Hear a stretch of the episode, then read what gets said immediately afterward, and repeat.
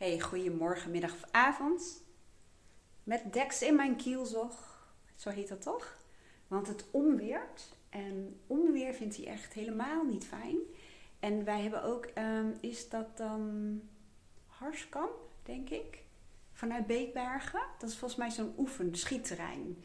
En ehm, ze oefenen heel vaak tegenwoordig. En ook met, ehm, dat heb ik me laten vertellen hoor. Ik weet dus niet zeker, ik heb het niet gezien of zo. Maar dat ze ook oefenen met bommen uit helikopters uh, gooien. Um, en honden horen natuurlijk heel veel sterker dan wij. Dus dan, ik hoor echt zo'n dof geluid en dan hoor je die hond, of die zie je echt zo. Maar goed, daar gaat deze video niet over. Waar die wel over gaat, is hoe je jezelf uit ergernis kunt krijgen. En um, ik ga een concreet voorbeeld geven die ik net ook weer had. En die veel voorkomt bij mensen waarbij het rechtvaardigheidsgevoel heel sterk aanwezig is. Of net als ik een waarde, eerlijkheid en integriteit hebben. Namelijk, um, ik had een pakketje uh, uh, besteld en ik probeer die al om de ergernis te voorkomen bij een pakketpunt te laten bezorgen. Maar dat kan je niet altijd kiezen. En met deze ook niet. Dus hij zou hier bezorgd worden, hier thuis.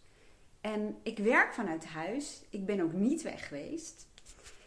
Alleen ze komen in deze straat gewoon niet graag, omdat ze voor een paar huizen moeten ze een straat inrijden en um, ze moeten terrein oprijden en ze vinden het moeilijk om te keren.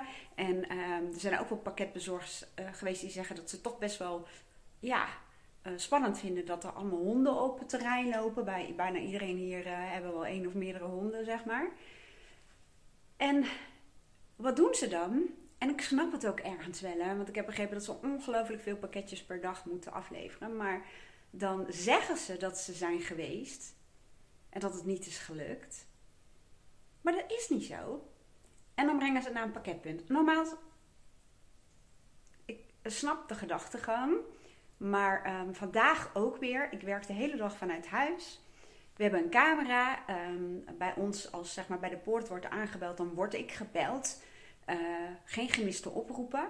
En dan wordt dus gezegd: het is niet gelukt, want we waren er niet. En dan, je ziet het, hè, dan kom ik in mijn opwinding. Omdat ik het gewoon niet eerlijk vind. Ik vind dat het is gewoon in mijn ogen een leugen. En uh, in de tijd van de papiertjes, dat ze papiertjes door de brievenbus deden, wat ze dus niet deden.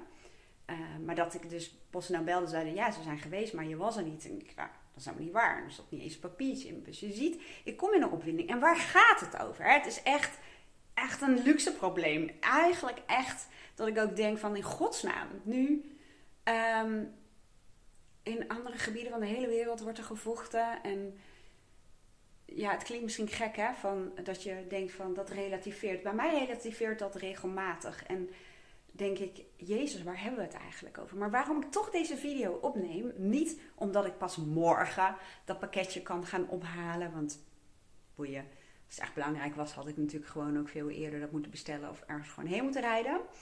Maar dat als jij, uh, net als ik, dus dingen um, bijvoorbeeld onrechtvaardig kan vinden, dat ik zie dat er onrecht plaatsvindt, dat het gewoon niet klopt, of dat het niet integer is of niet eerlijk is, dan gaat mijn hartslag omhoog.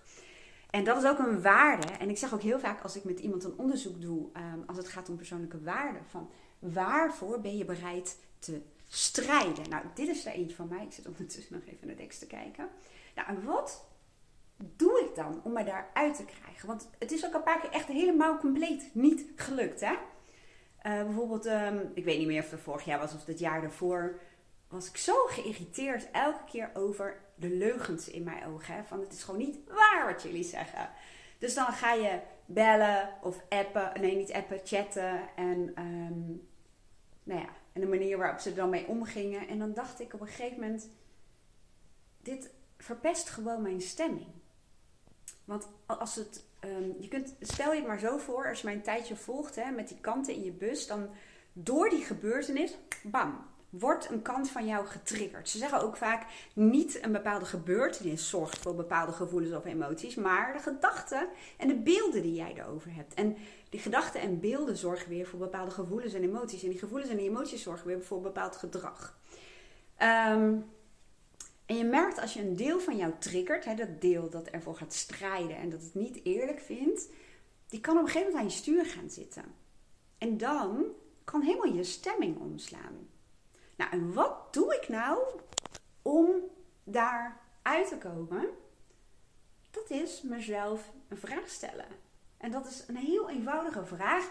En het helpt niet altijd meteen hoor. Maar wel, wat is mijn doel? In dit pakketje zitten gewoon laarsjes. Ik heb sokken aan. Zometeen doe ik schoenen aan, want de volgende klant komt. Um, uh, ja. Heb ik ze nu nodig? Nee. Wat is mijn doel? Nou ja, dat ik ze van de week in huis heb. Om te kijken of ze zo leuk zijn als dat ze op de foto waren en of ze passen. Dus wat is mijn doel?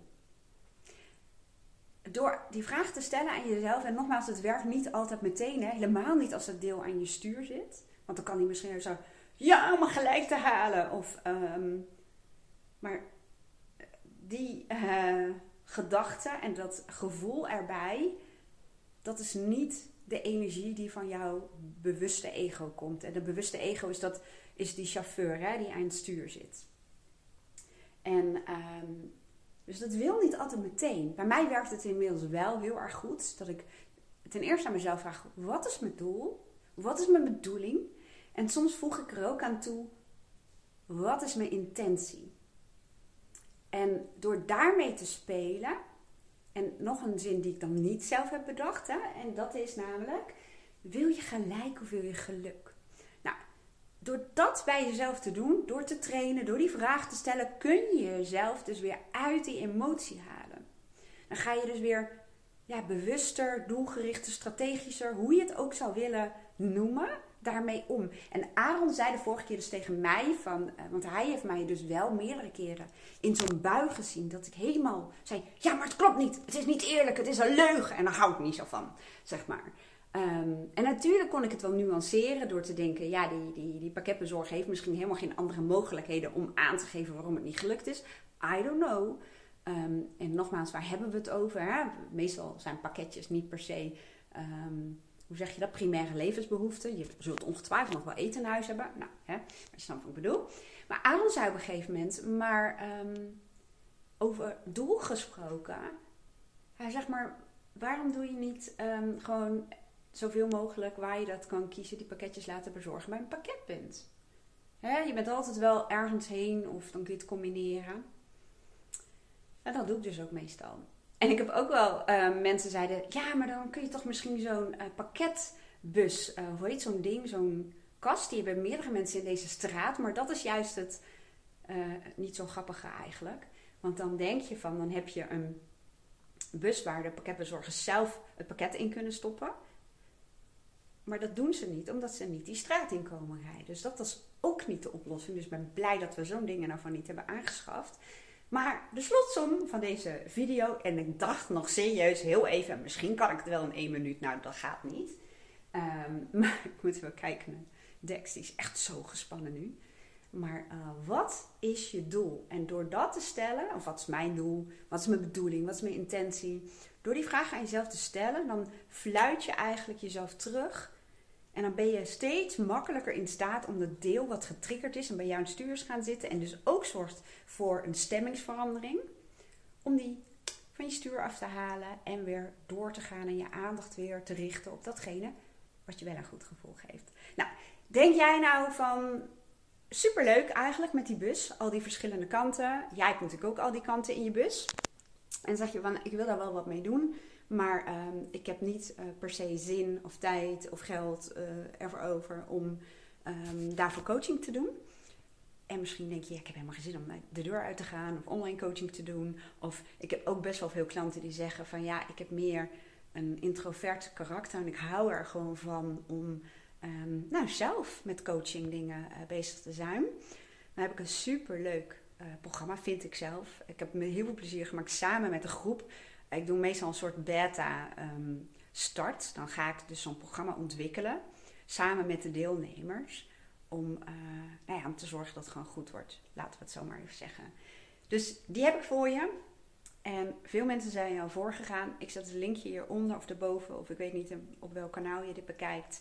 Kijk maar of, je, eh, of het wat voor je is. Als jij denkt, ja, maar ik weet het eigenlijk niet. En um, ja, tuurlijk, het kost een paar honderd euro. Dat je denkt, het is wel veel geld, ik weet niet, haal ik er wat uit? Dan mail of app me even. Ik zeg erbij um, zoveel mogelijk. Ik reageer uh, over het algemeen met een paar dagen pas. Ik reageer sowieso en dan ga ik gewoon even met je meedenken. Nou, ik hoop dat je er wat aan had. Ik wens jou een heel mooie dag. En ik ga even onze hond geruststellen.